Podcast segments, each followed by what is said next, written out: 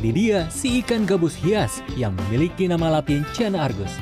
Spesies ikan dengan ciri khas corak hitam ini berasal dari perairan Rusia, Tiongkok, dan Korea.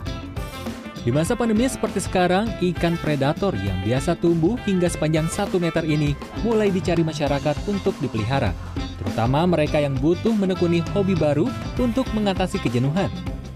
Perawatan ikan cana terbilang mudah dan murah. Kita hanya perlu mengganti air 2 atau 3 bulan sekali. Ikan ini juga cukup diberi makan 3 kali seminggu. Makannya adalah ikan kecil atau udang etawar.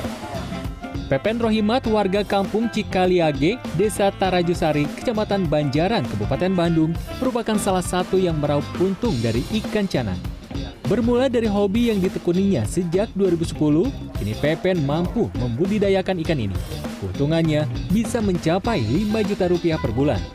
makin meningkat masa-masa pandemi ini karena uh, seperti saya mungkin awalnya hobi akhirnya dia berhasil dia kembangkan gitu.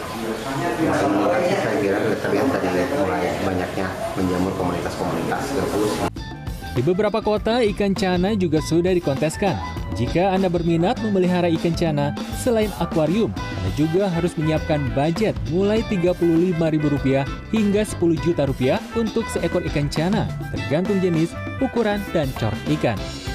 Chandra Febriana, Kabupaten Bandung, Jawa Barat.